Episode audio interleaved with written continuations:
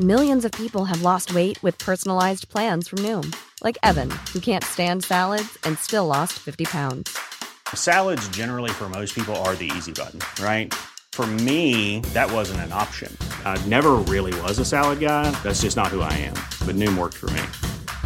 Get your personalized plan today at Noom.com. Real Noom user compensated to provide their story. In four weeks, the typical Noom user can expect to lose one to two pounds per week. Individual results may vary.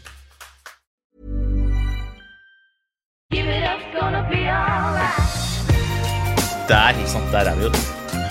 Det er litt artig, fordi at um, den derre nedtellingsklokka som du nettopp så, den, den gjør at folk blir veldig sånn uh, blir man, man blir veldig nervøs og får et helt annet sånt, man får et helt annet type ordleie, og alt blir litt annerledes. Men uh, vi, Stine, vi er um, Vi bare fortsetter den tralten som vi hadde rett før uh, den klokka begynte å telle. Gjør vi ikke det? Altså, vi fortsetter tralten. Det er litt sånn, jeg jobber mye som treningsinstruktør. Så jeg får sånn Istedenfor å bli nervøs, så tenker jeg at nå skal jeg på scenen. Nå skal jeg levere. Ja. Nå er det treningstime med Stine her. Uff, ja, det hørtes eh, Ja, men det er bra. Altså, um, i dag, da, så har jeg fått med meg en eh, dame som um, Som jeg, jeg har gleda meg til å ha deg på. Jeg, jeg, jeg, jeg hadde ikke noe forhold til deg før for noen år siden, og etter at vi traff hverandre første gang, så har du, har du dukka opp eh, Dette høres jo kanskje litt sånn flåsete ut, da, men du har dukka opp i feeden min i, i, i ny og ne, eh, og jeg har alltid eh, alltid beundra deg for veldig mye. og jeg gleder meg til å prate med deg om, om ting som er, er viktig. I dag skal vi prate om I dag skal vi prate helt nedpå. Eh, selv, om, selv om du er veldig ofte veldig høyt oppe, så har i hvert fall jeg lyst til å prate ganske langt nede. Eh, og jeg håper det blir en fin prat. Um, og gjesten i dag, det er da eh, ei dame som heter Stine Hartmann. Um, og jeg pleier å stille alle gjestene, Stine, ett spørsmål i starten. Og det er um, Hvem er Stine Hartmann? Nei, hvem er eh, Stine Hartmann? Altså, som du sier, så er jeg høyt og lavt. Er ganske mye høyt. Eh, Du blir kjent med meg på en treningscamp hvor det var, eh, hvor det var smell fra klokka syv om morgenen til eh, ni-ti på kvelden. Legger meg alltid klokka ti, så der, der er lavt. Så hun er høyt og lavt. Og av og til så er hun litt lavt for å kanskje snakke om disse ja, viktigere tingene i livet. Ting man også må gå gjennom. Men hvem, hvem er du, da? Så tilbake til det store spørsmålet, da, Øystein. Det er jo så stort spørsmål. Eh, man kan jo si så mangt. Eh, først og fremst så er mammaen til Storm. Storm er to år. Fantastisk eh, gutt. Eh, jeg er kona til Jakob. Og jeg er eh, veldig glad i trening og treningsglede. Ja. Veldig glad i det. Jobber også med treningsglede i Oslo Maraton, så jeg har en liten jobb i der. Eh, Du vet jo sikkert mye om det, Øystein. Eh, Og jeg er veldig glad i vennene mine, i de jeg har rundt meg i hverdagen. Jeg er en som setter pris på hverdager framfor helger. Jeg vil at tirsdag kveld skal skinne mer enn lørdag kveld. Ja. Det er på en måte Stine Hartmann. ja. Og hva legger du i det? jeg ligger i det at eh, jeg er glad i rutiner, for all del. Glad i å stå opp om morgenen og eh, få meg en treningsøkt eller bruke litt ekstra tid på å følge Storm til barnehagen. Men jeg er veldig glad i å gjøre mye ut av dagene. Ikke det at jeg skal slite meg ut, men ha noen planer som gjør at jeg og de rundt meg føler at fy flate, dette var en bra dag. Det var en skikkelig god dag, som du ville sagt. Sant? Jeg hadde en helt eh, fantastisk dag i går, f.eks. Bor jo da på Nesodden, som er en halvøy utafor Oslo. Eh, Det er jo som å bo på en feriekoloni vet du, Øystein, hver dag. Eh, Helt tullete fint. Um, og da dro vi til en uh, venninne av meg som har en toåring, hun også. Og så lekte våre toåringer i et sånt plaskebasseng. Mens vi spiste middag ute i det fri og titta på utsikten og tenkte at er vi på ferie, eller hva, hva er det som skjer med livene våre? Så det var en, det var en veldig god dag. Klassisk tirsdagskveld. Ja, det er Kose meg gløgg etter jobb.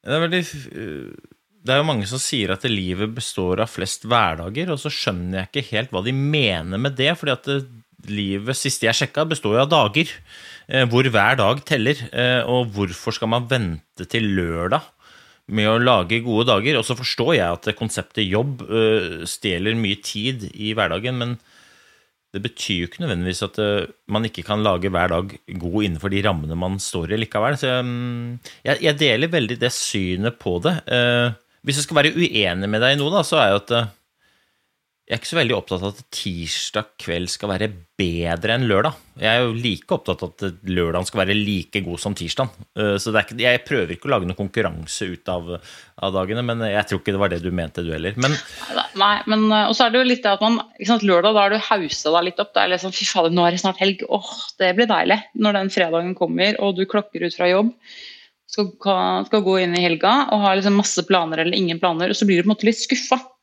Og Da syns jeg det er litt kulere å ha en tirsdag hvor du bare skal på jobb dagen etterpå eller ikke har tenkt så mye over den tirsdagen, og så blir den så bra. Jeg tror det er kanskje det jeg tenker på. Men jeg tenker på at jeg syns det er så kult at hverdagene ofte skinner litt mer enn den lørdagen som du har gleda deg litt for mye til. ja, det er spennende. Det, er, det der skuffa-greiene det er jeg faktisk helt enig i, for jeg tror vi har en tendens til å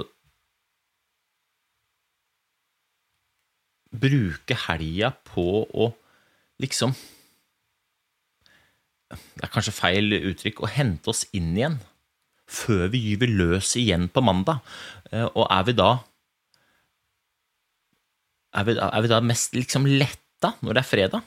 Eller er vi lykkelig over det vi har fått gjort gjennom uka? Jeg tror veldig mange reiser hjem fredag og er litt letta. Og ikke nødvendigvis så innmari lykkelig.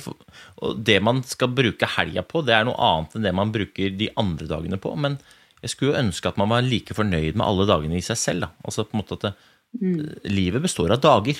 Det består ikke av fem hverdager, og så har du to dager fri. Og så er det fem dager hvor du er på igjen. Det er jo ikke sånn det egentlig er. Men jeg, jeg er redd for at det er en del som føler det sånn. Eh, og det er jo litt trist, da. Men um, når jeg traff deg, Stine, første gang, så var jeg da med Dette er jo da uh, lenge siden, men da Da traff jeg ei dame som var full av liv. Altså, du var du var da treningsinstruktør på en treningscamp, og jeg var der øh, og skulle ha noen treningsøkter sjøl. Og du var, du var altså så full av liv. Eh, Og så sa du at du, du, liksom, du er glad i treningsglede. Jeg, begeistring, det er liksom et ord jeg tenker på når jeg tenker på Stine Hartmann. Er det, er det noe som du bruker mye energi på, eller er det noe som faller deg naturlig? Jeg tror faktisk det faller meg ganske naturlig. Um, for dette med ge- begeistring for trening altså For meg så handler ikke trening nødvendigvis om mål. Uh, jeg har aldri vært noen idrettsutøver, jeg har aldri hatt et stort mål innenfor trening. Så trening har jeg brukt som en Det er på en måte en rutine i hverdagen min, en fin rutine. Det gir meg mye glede. Det gir meg så glede av å se andre trene. Og se andre ha det gøy på trening. Og ikke minst få det gøy med trening. Eh, og det er jo disse campene da, som vi møtte hverandre på. Og jeg da var en running DJ. Husker du det, Øystein? Ja, altså, running DJ. Ja. Jeg hadde tenkt å komme dit, for at det går ikke an å ikke huske det. Altså, eh, jeg spurte deg eh, hva du jobba med, og så svarte du meg at jeg er running DJ, og så spurte jeg hva er det, og det tror jeg kanskje lytteren lurer på også. og eh, slik som jeg husker ditt svar, og da kan du korrigere meg hvis det er feil, men så sa du at jeg løper rundt med en liten høyttaler i hånda, og så spiller jeg musikk. Det er running DJ. Og så sa jeg, er det, er det en jobb? Og så svarte vel du noe sånt som at nei, men det bryr ikke jeg meg noe om. Eh, og, og bare det å sitte og si at du er pop-up DJ, running pop-up DJ, altså du bare, du bare dukker opp løpende med en høyttaler i hånda, får med deg folk. Jeg opplever det som innmari modig, da. Er du modig? Jeg vil si det. Jeg vil si jeg er ganske modig. Eh, og dette var jo et, eh, et påfunn som bare, det bare ble til. Så jeg er jo glad i å løpe, ikke sant. Eh, og vi har jobbet, eller jeg har jobbet med disse treningscampene i mange år. Og på de campene så er det alle mulige damer, eh, primært eh, damer. eh, I alle mulige aldre, former, eh, treningsbakgrunn. Mange av de har ikke likt å løpe før. Og den koden den vil jeg knekke. Så da tenkte jeg sånn, hva kan vi gjøre for at du har lyst til å kanskje gå litt raskere? Gogge. Blanding av gå og jogge. Eh, Hva kan få deg til å på en måte yte litt mer på den trasketuren? da? Få opp tempoet litt. Og da tenkte jeg, hva, hva er det hun dama her trenger? Hun liker zumba. Hun liker å danse til musikk. Generelt glad i musikk. Ja, Da tar jeg meg en liten sånn musikkboks, en liten høyttaler, med på den turen. Så ser vi om det kan gjøre noe for henne. Satte jeg på noen eh, 80-tallshits. eh, lurte på hva som var yndlingslåta hennes, og kjørte opp den på ganske høyt volum. Og da ble det fart på beina. Da begynte hun å småjogge. og Da skjønte jeg at det, det var det her hun trengte. Det var det her flere av disse damene trengte. Litt fart og spenning på den joggeturen. Ja, men liksom En ting er å si det, en annen ting er å gjøre det. Og jeg, nå snakker jeg ikke nødvendigvis om den der running DJ-greia heller, altså, men jeg snakker om liksom Jeg mener at det der er Det der er jævlig modig å gjøre, fordi at når du gjør det der, så vet du at noen rundt deg kommer til å se på deg og tenke 'hun dama der er gæren'. Eh, hvis jeg skulle beskrevet deg med tre ord, Stine, så ville jeg skrevet deg som eh, full av begeistring, eller full av liv. Jeg ville beskrevet deg som modig, fordi at du tør å gjøre ting som andre tenker at det der Det der er ikke nødvendigvis farlig, men det der, er, eh, det der hadde ikke jeg gjort. Og så ville jeg beskrevet deg som ekte, fordi jeg i hvert fall opplever at du driter i hva de rundt deg mener om det du gjør. Det du gjør, det er å bare spre din begeistring, din idrettsglede og din eh, ja, lidenskap da, til andre. Du prøver å smitte dem med din positive begeistring, og, og du gjør det ekte. Jeg, jeg opplever det ikke som noe staffasje. Eh, når jeg, i hvert fall sånn som jeg har sett det, så opplever jeg det som veldig ekte. Er, er det, eh, er det tre, eh, tre karakteristikker som du føler deg bekvem med å bli identifisert med? Altså, jeg føler meg veldig bekvem med disse ordene. Det var jo som å gå på et, et rødt teppe og høre, høre den rekka av fine ord for øvrig. Og jeg vil jo si altså det å være modig, det gjør jo også at man ja, som du sier, driter litt i hva andre mener, da. Eh, som jeg kanskje har gjort i mange år nå. Jeg eh, har gjort min greie på min måte er ikke alle som setter pris på det. Eh, Det får så være. Hvis jeg vet at jeg klarer å få én person til å bli litt mer glad i fysisk aktivitet, litt mer glad i å ta den trasketuren, goggeturen, komme seg ut i frisk luft eller komme seg på trening, så har jeg på en måte gjort mitt lille mission. Da. Men det er ikke det at jeg nødvendigvis tenker at nei, jeg har et mission med det. Jeg bare syns det er så fryktelig gøy med trening at jeg kunne ønske at alle hadde samme begeistring for fysisk aktivitet som meg. jeg, jeg, øh, jeg jobber jo mye med mennesker, og, og så prøver jeg å si at det, det aller modigste du kan gjøre i dagens samfunn, slik jeg ser det, det er å være deg selv. Fordi jeg mener at vi lager et samfunn hvor vi går rundt og eh, spiller et slags sånn spill. Vi kaller det for sosial intelligens, men i jakten på den sosiale intelligensen så mister veldig mange av oss det autentiske oss selv. da. Fordi vi prøver å passe inn, vi prøver å, å Alle har lyst til å bli likt, og vi tenker at for at du skal like meg, så må jeg være lik deg. Og så prøver vi å på en måte matche hverandre, og så blir, blir vi kanskje ganske like, men ingen er oss selv. Eh, og det er derfor jeg syns det er så modig, og det er derfor jeg opplever deg som så ekte. For jeg kjenner bare én eh, running DJ. Jeg kjenner bare én som, som er så ærlig om de tingene som En ting du gjør, men en annen ting er de, de, de tingene som du struler med. Da, for, at, eh, for de av dem, dere som ikke kjenner Stine Hartmann så Stine Hartmann, du er altså en, en dame som i tillegg til å spre begeistring, i til å ha liksom eh, dine snutter på Instagram hvor, du, hvor du deler at du er ute og gogger, og hvor du deler at du er ute og går, og du kjører noen styrkeøkter i stua di, og det er eh, kaos med Storm, og det er kaos med Jakob, som er typen din, og litt sånne ting, så, så deler du også ting som ikke andre deler. Og når du gjør det, når du er ekte, så skaper du i hvert fall hos meg da, tillit. Altså jeg jeg har tillit til deg, selv om jeg ikke kjenner deg så godt, av den enkle grunn at du er bare helt Jeg opplever deg som ekte. Jeg opplever at jeg kan stole på deg fordi at du bare er deg sjæl, da. Og du deler du deler ting som jeg vet ikke andre deler. Hvor bevisst er du på de tingene der, for eksempel?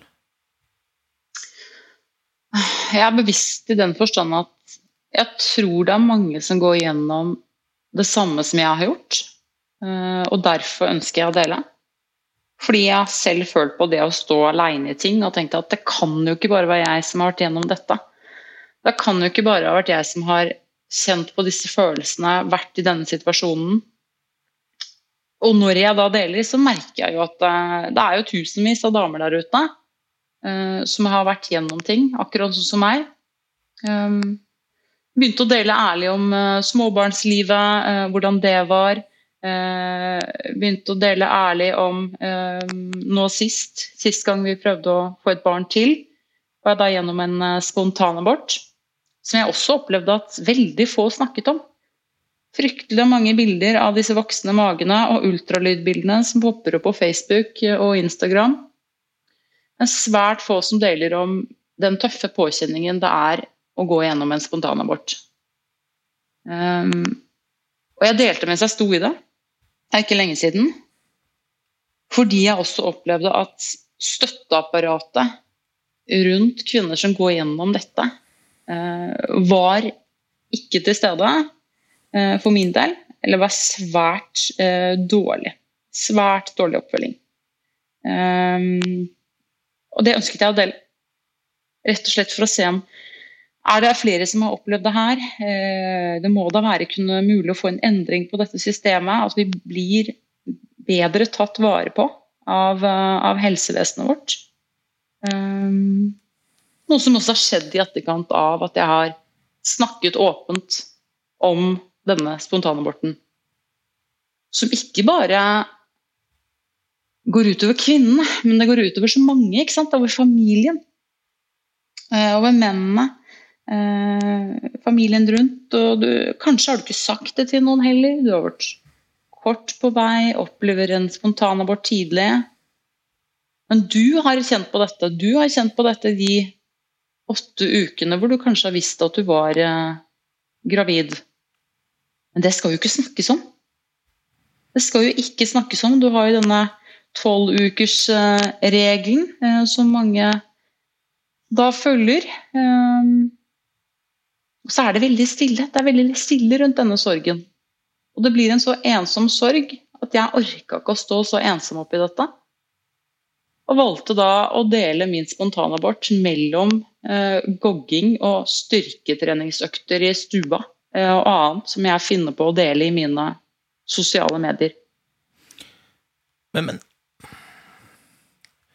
Jeg skal ta opp et tema med deg etterpå, eh, men jeg må bare dykke litt i det først. Hvor, hvorfor er det sånn? Hvor, hvorfor er det sånn at vi lager et samfunn hvor det dreier seg om fasade, hvor det dreier seg om prestisje, hvor det dreier seg om titler, og hvor det dreier seg om penger, og i jakten på dette glemmer de tingene som påvirker alt sammen, det er jo følelsene. Hvorfor kan, hvorfor vi, hvorfor kan jeg sitte og si med ganske stor bevissthet om at jeg mener at det, det, det modigste vi kan gjøre, det er å bare være oss selv, akkurat sånn som vi er, og bare dele det. Hvorfor er det sånn, Stine? Nei, vet du hva, det sitter jeg og lurer på sjøl. Um, og har ikke noe godt svar på det. Fordi jeg selv er en som har valgt å dele. Jeg er en som har valgt å bare eh, vise mesteparten av følelsene mine der ute. Um, jeg tror det er mange som føler på det samme, og jeg vil på en måte ha et lite sånn community og kanskje dele de følelsene med. da. Men jeg syns jo det er så synd at man, at man skal kun dele det som er det beste i ferien. ikke sant? Du deler jo ikke den der enorme køen på Gardermoen alltid, eller den litt vonde maten på den greske restauranten. Du må jo dele den flotte utsikten. eh, Du må jo dele de brune beina dine framfor alle unga som egentlig bare fyker rundt der og solkrem overalt.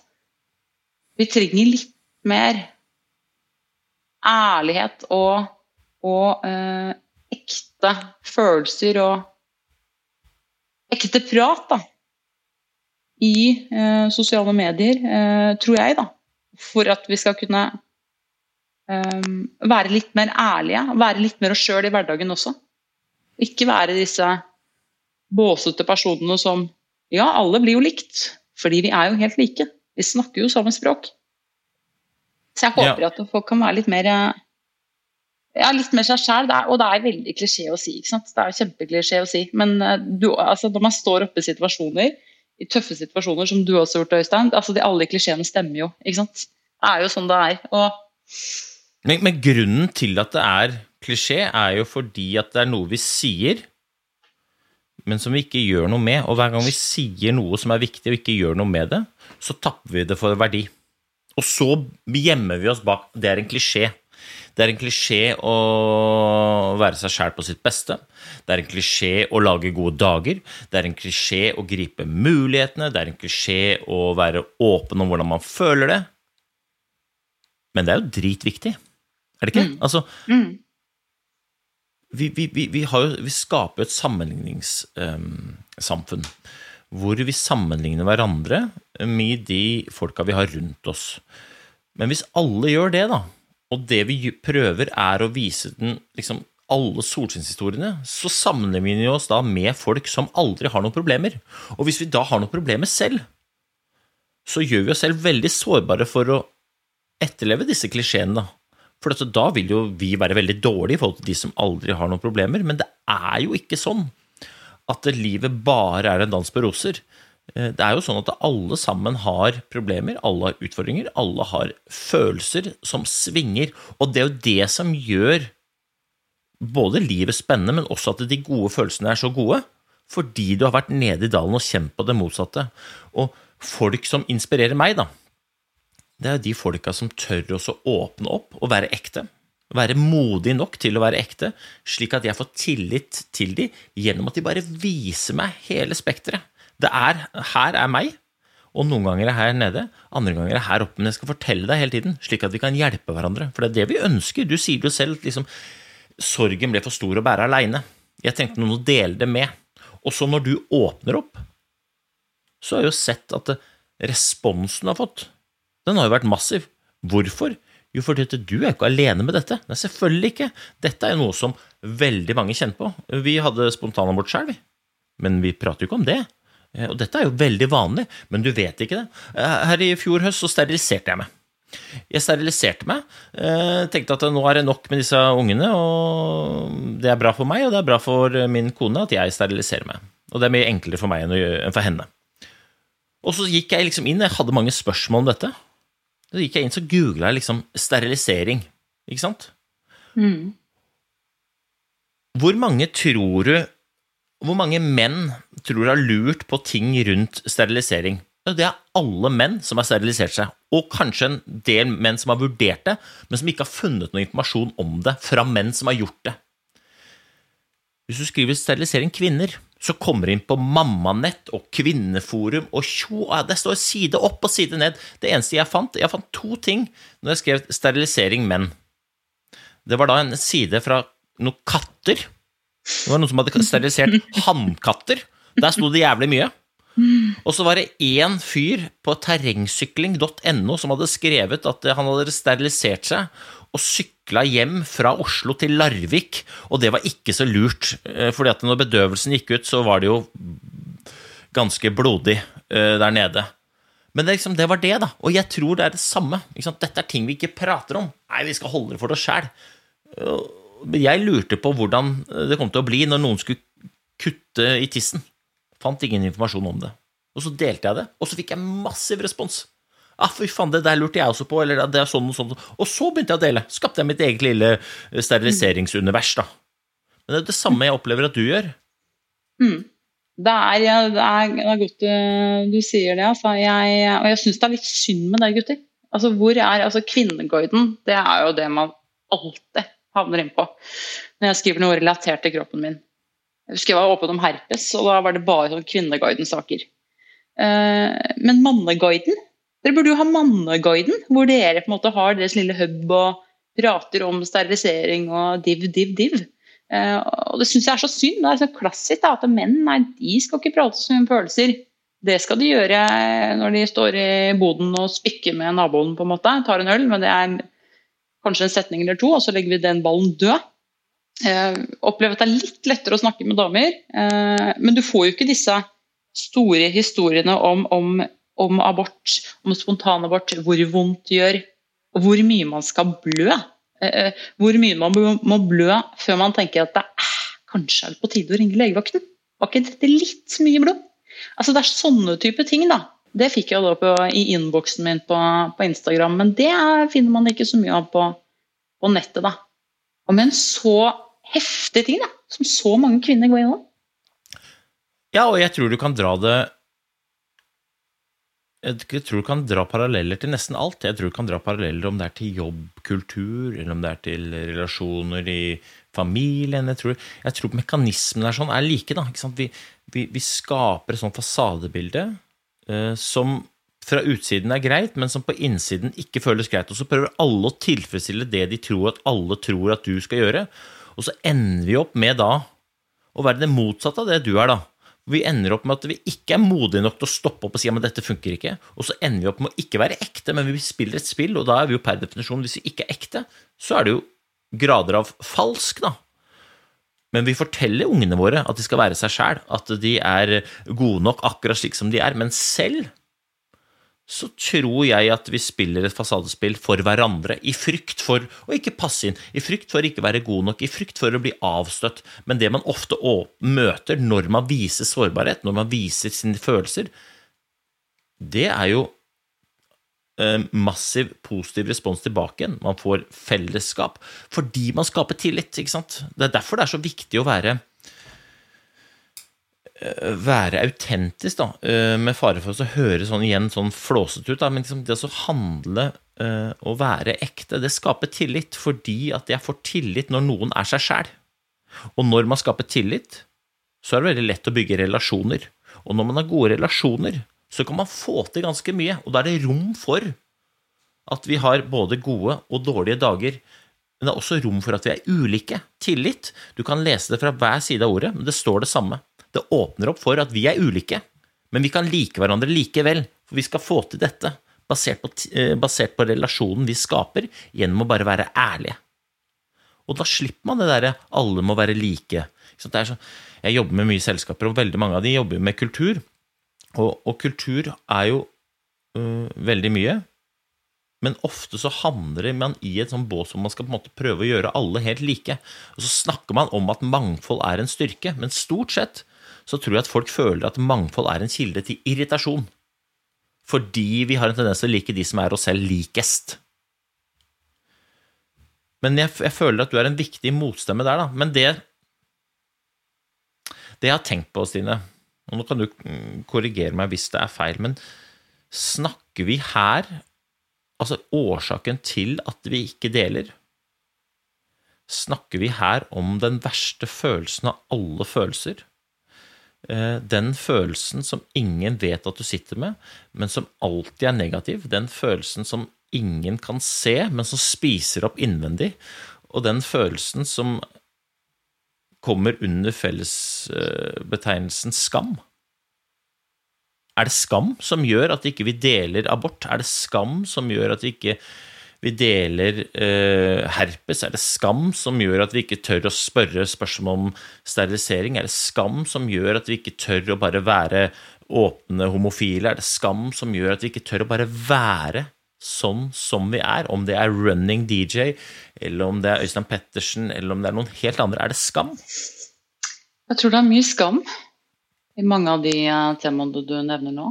Og så tror jeg det går mye også på frykten for å eh, ikke bli likt. Frykten for at noen skal mislike deg. Frykten for at du skal komme med en eh, kommentar, et stikk, som gjør at du faller helt sammen. Da.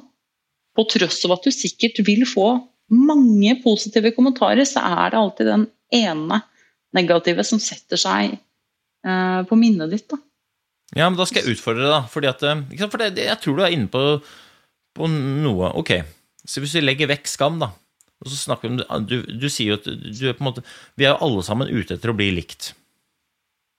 Og helst vil du bli likt av alle. Men Stine Hartmann, liker du alle? Nei, det gjør jeg ikke. Nei, så da er det jo urimelig at alle skal like deg også. Men likevel så er det den ene kommentaren av alle de som liker deg, som du legger merke til, for dette, du vil jo bli likt av alle, og der sitter det dæven en gjøk som ikke liker deg. Ah, den stikker! Men når vi spør liker du alle, nei, det, det gjør jeg ikke. Nei, men er, er det ikke sånn det er, da? At det liksom Vi møter oss sjæl litt i døra. Definitivt. Definitivt gjør vi det. Uh, og jeg blir Altså, hadde jeg tenkt på det å bli likt av alle, så hadde jo ikke jeg posta masse om at eh, hei, hei, jeg har herpes, jeg har spontanabortert, så mye blør man etter en spontanabort. Altså, jeg hadde jo ikke posta alle disse tingene hvis jeg hadde tenkt sånn åh, skal jeg trykke på del-knappen? Eh, nei, jeg gjør ikke det, i tilfelle noen ikke liker det. Fordi jeg veit at det er så mye støtte, og det jeg klarer, selv om ja, det stikker litt med denne kommentaren, så vet jeg at de tusenvis av andre kommentarene, meldingene jeg får, eh, de gjør at jeg fortsetter. da. Pøser på med den med livet, egentlig. Eh, altså Ja, du sier at jeg er ekte og modig, eh, men jeg portretterer livet mitt, jeg. Er, sånn er livet mitt. Det er opp og ned. Det er ja, plutselig er det tøffe netter eller ufrivillig nachspiel, som jeg kaller det, når toåringen skriker midt på natta.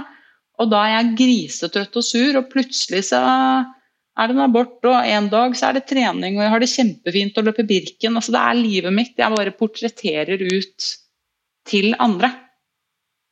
Um, fordi jeg har gjort det så lenge. Jeg er blitt så vant til det. Eh, og det er rart når man liksom blir vant til å bare legge ut det som skjer i hverdagen, så får du plutselig alle disse meldingene hvis du skulle lagt ut noe på ti dager. da. Hvordan går det med deg? Har du det bra?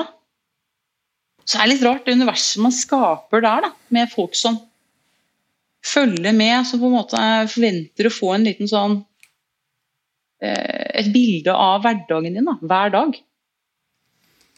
Ja, det er mye spennende. Eh, for det første så er det jo sånn um man er jo opptatt av å bli likt. Man liker ikke alle, men den aller viktigste personen som skal like deg, det må jo være deg.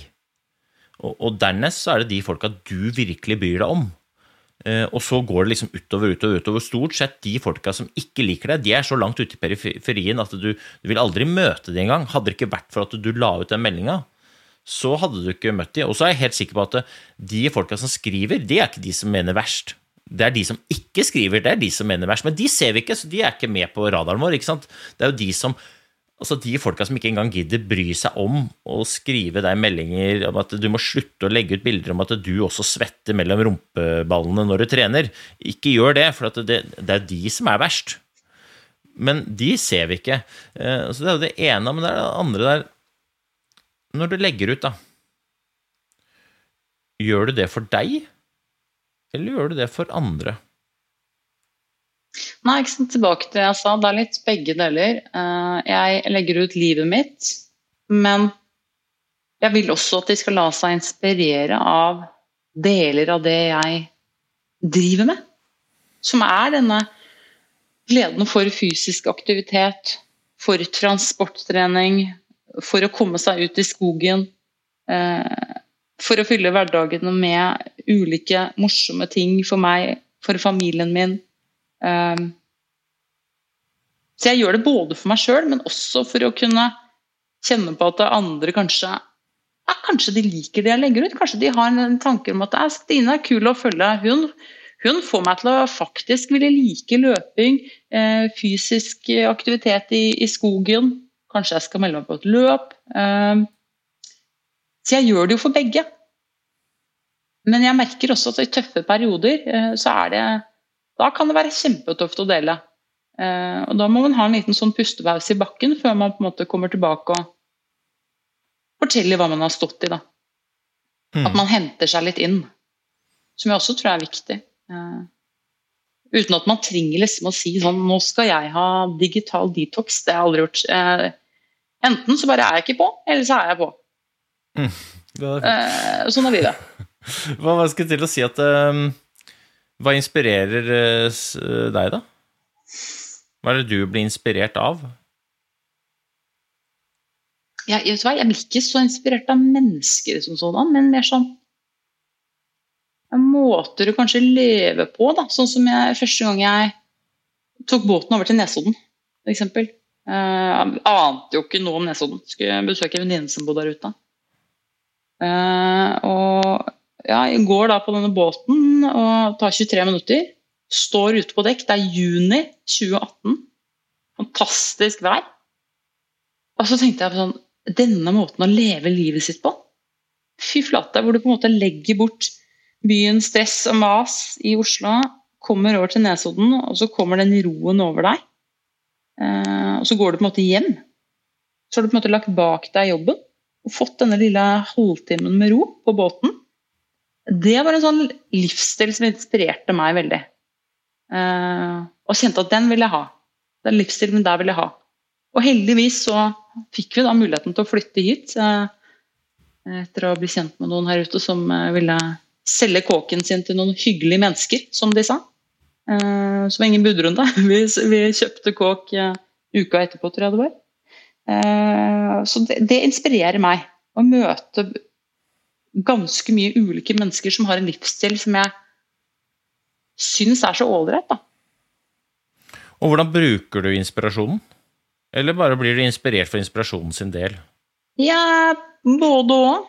Nå valgte vi å flytte hit og kanskje prøve å adaptere litt den livsstilen. Da. Og det å tenke at eh, den tiden på båten skal jeg bruke for å nettopp eh, Har du hatt en lang dag på jobb, da har det vært slitsomt, du er trøtt, gå på båten, prøv å bare skru av hodet litt, legge stresset bak deg og tenke på at nå er det på en måte part two av dagen. Eh, hvis du klarer det, da legge det bak deg. Og så er det på en måte familietid. Um, så det, det jeg prøver å la meg inspirere av det, da, å bruke Bruke den båten til noe vettugt. Nå er det mye prat om den båten, men jeg er jo forferdelig glad i å ta den båten, Øystein. Du vet jo det. Det er, jo, Ja, sett, eh, det er sånn det. miniferie, det. Å sitte på den båten om sommeren. Men hva, hva er målet ditt med det du gjør, da? Altså, Hva er målet ditt med å dele? Er målet ditt å inspirere andre, eller er målet ditt å øh, inspirere deg sjæl? Er målet ditt å gjøre en forskjell? Altså, hva er, hva er årsaken til at du er så åpen? da? Eh, Jeg kan godt fortelle effekten det har på meg da, etterpå, men jeg er interessert i å høre svaret ditt først. Er- hva er målet ditt med å være så modig og så ekte og dele? Ja, det er ulike mål.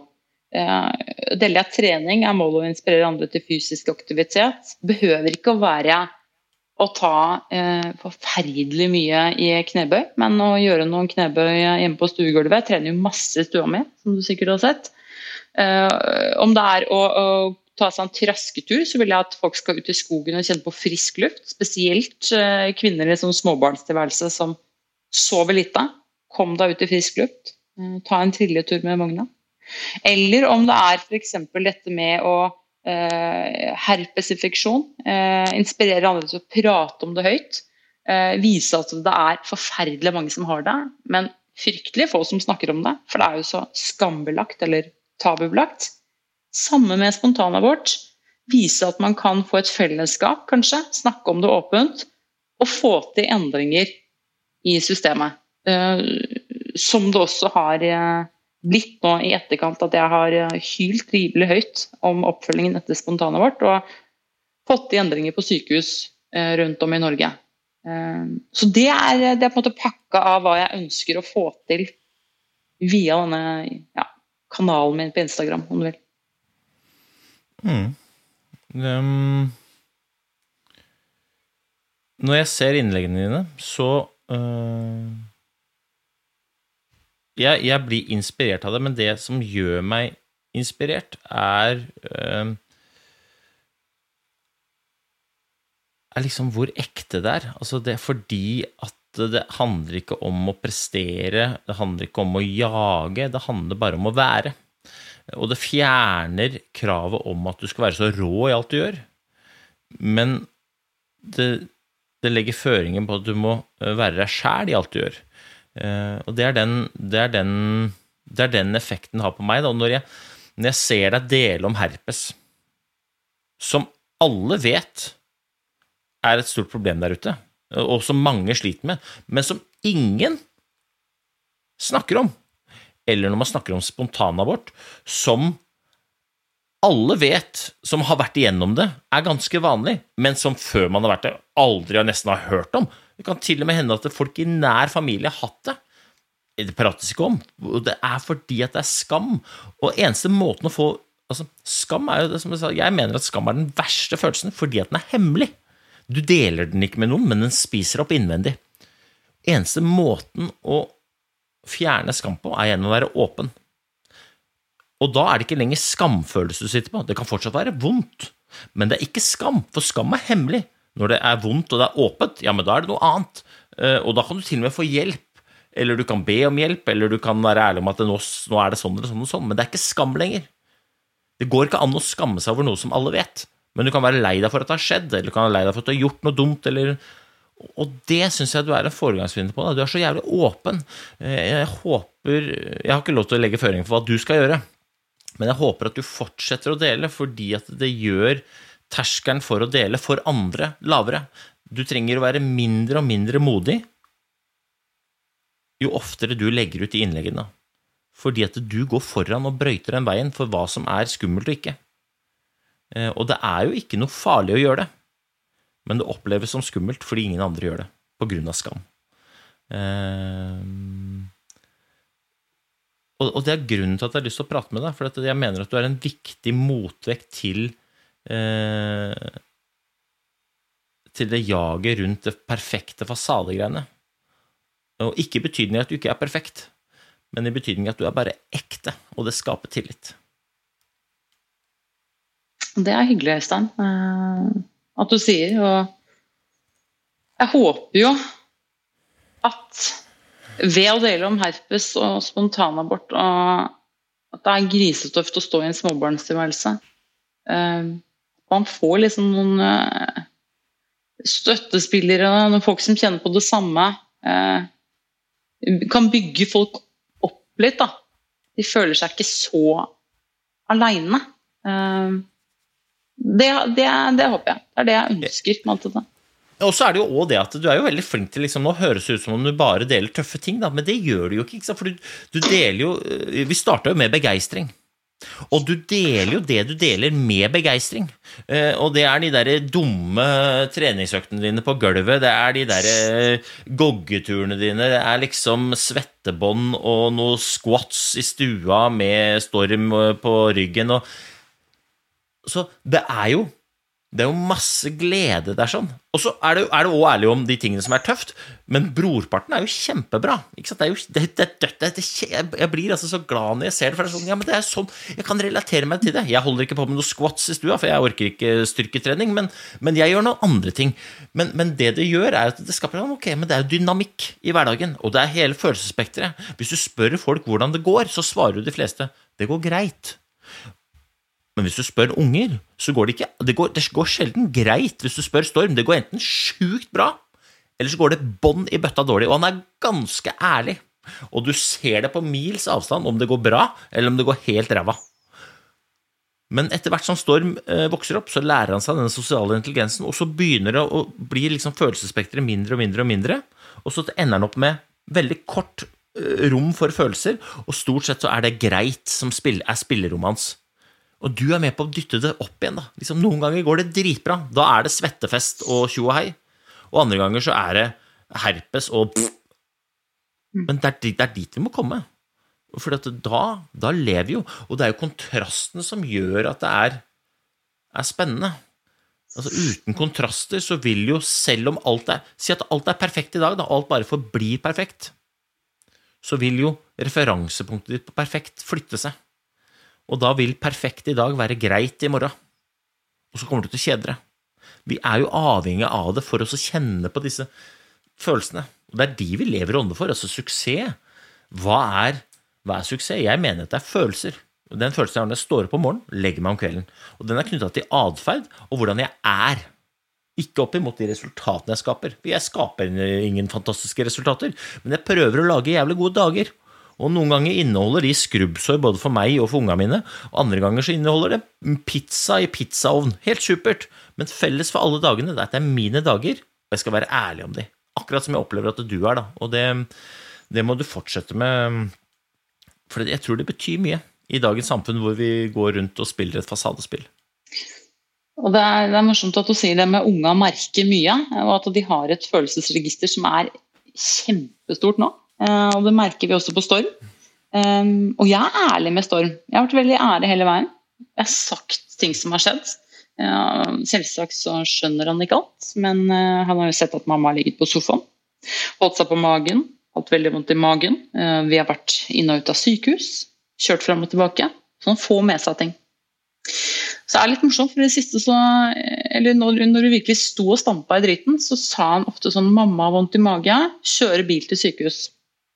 Og det sa han kjempelenge. Sånn hver dag, selv om jeg kanskje var litt bedre. Og så sa jeg sånn Nei, vi skal ikke kjøre bil til sykehus. Hun har bare litt vondt i magen nå. Ikke så mye. Så skjedde det liksom en endring. Vi, vi dro til Lillehammer, på Lilleputthammer og til Birken. For jeg skulle løpe Birken.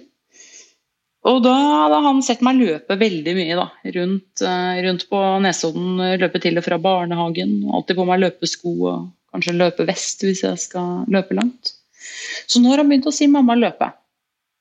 Og det skjedde liksom en markant endring den helga. Da bare Både jeg og Jakob merka det, og det var så utrolig fint å se at han også skjønte at ja, mamma hun hadde vondt i mage. Mamma kjørt eh, bil til sykehus, men nå mamma løpe. Og det, altså, det er så fint, Øystein, å bare se han si det så ofte nå. Det er helt ja, det er nydelig. Jeg får frysninger når du sier det, og i hvert fall når du sier det som i mamma løpe uten at det, mamma løper etter alle, alle, krav, alle ting som hun må fikse og ordne for at det skal være perfekt, men som i mamma har det bra. Mamma løpe og kose seg. Og det er det det dreier seg om, da. Jeg har lyst til å stille deg et siste spørsmål, som jeg stiller alle, og det er jo da knytta opp til, til, til, suksess. Eh, jeg definerer da suksess som en følelse. Eh, og jeg knytter ikke opp til de resultatene jeg skaper. Jeg er veldig glad i gode resultater, eh, men eh, det er så mange ting rundt det jeg ikke får styrt. Så jeg knytter suksess opp til den følelsen jeg skaper, gjennom å være sånn som jeg har lyst til å være. Men hva er suksess for deg? Altså, liksom, hva er det du egentlig jager? Hva er det jeg jager og løper etter? Si det. Uh, suksess for meg, iallfall Akkurat nå så går det mye på hvordan egentlig Storm har det. Eh, jeg har blitt så glad i den lille tassen av en fyr. Å se han vokse opp, eh, se han ha det bra. Så eh, nå er suksess å få han til å ja, få gode dager, da, som du ville sagt. Og ha det, ha det veldig gøy sammen med mammaen og pappaen sin i barnehagen, sammen med venner. Og se at også jeg og Jakob eh, har det fint sammen. Eh, at han opplever at han har en hverdag med mye gode mennesker rundt seg. Da. Akkurat nå så er det det som er suksess for meg. Få han til å ha det så bra som mulig. Mm. Hvordan måler du det? Jeg kan stille han spørsmål. Storm har hatt en fin dag eh, i dag. Og da kan han være altså, si ja på en veldig entusiastisk måte. Sånn ja, ja. Så kan han nevne de aktivitetene som vi har gjort. Lekerom! Eva! Ja! Ja! Så det betyr at vi har vært hjemme hos eh, Eva, vært på lekerommet hennes. Eh, og da er han veldig glad. Da er han veldig glad og har lyst til å gjøre det igjen. Det som ofte skjer på de dagene, når jeg skal legge an, som eh, det kan jo eh, ta alt fra én til to timer, iallfall tidligere. Vet jo hvordan det er med å ha en liten småtass i huset. Leggerutiner og alt det der. Men i det siste, hvis han har hatt skikkelig bra dag, hvis vi føler at dette har vært virkelig en dag full av suksess, så er det inn, ta én baba lille lam, så er det natt, det er mamma, og så skyver han liksom hånden mot meg. Sånn, nå må du ha deg ut av rommet. Nå skal Storm sove, fordi han skal ha en like bra dag i morgen. Og det syns jeg er så kult. Han smiler liksom og bare 'Natt med meg! Ut!' Nå skal Storm sove. Nå skal han få skjønnhetssøvnen sin til nok en suksessfull dag eh, dagen etterpå. Det der er um, jeg, jeg tror ikke jeg skal si noe mer enn det. Altså, det er liksom Det der er et bilde på hvordan um, Jeg skal ikke si at man skal skyve de folka man er glad i, unna seg, men det der er et bilde på hvordan den følelsen jeg prater om, da, faktisk er, da. um, du har det har i hvert fall bidratt eh, Stine, til at jeg har, um, kommer til å få en god dag fordi du er ekte, fordi du er modig, og fordi at du deler med begeistring. Og det gir meg masse, uh, og det har gitt meg masse. Og jeg tar det ikke for gitt. Jeg, jeg takker det oppriktig. Jeg syns det, det, er modig som gjør det. og så må du lage en strålende dag, du må lage en strålende sommer. Så må du ta vare på de folka som du bryr deg om. Og når du definerer suksess som hvordan uh, Jakob har det, så regner jeg med at du har det drita bra hvis Jakob har det bra. Så da er det vel bare å gripe sommeren og kose seg masse, er det ikke? Akkurat det, Øystein. Tusen takk for at jeg fikk være med i poden din. Det var en ære. Du er helt konge, Sine. Tusen takk skal du ha. Du er helt konge. Takk.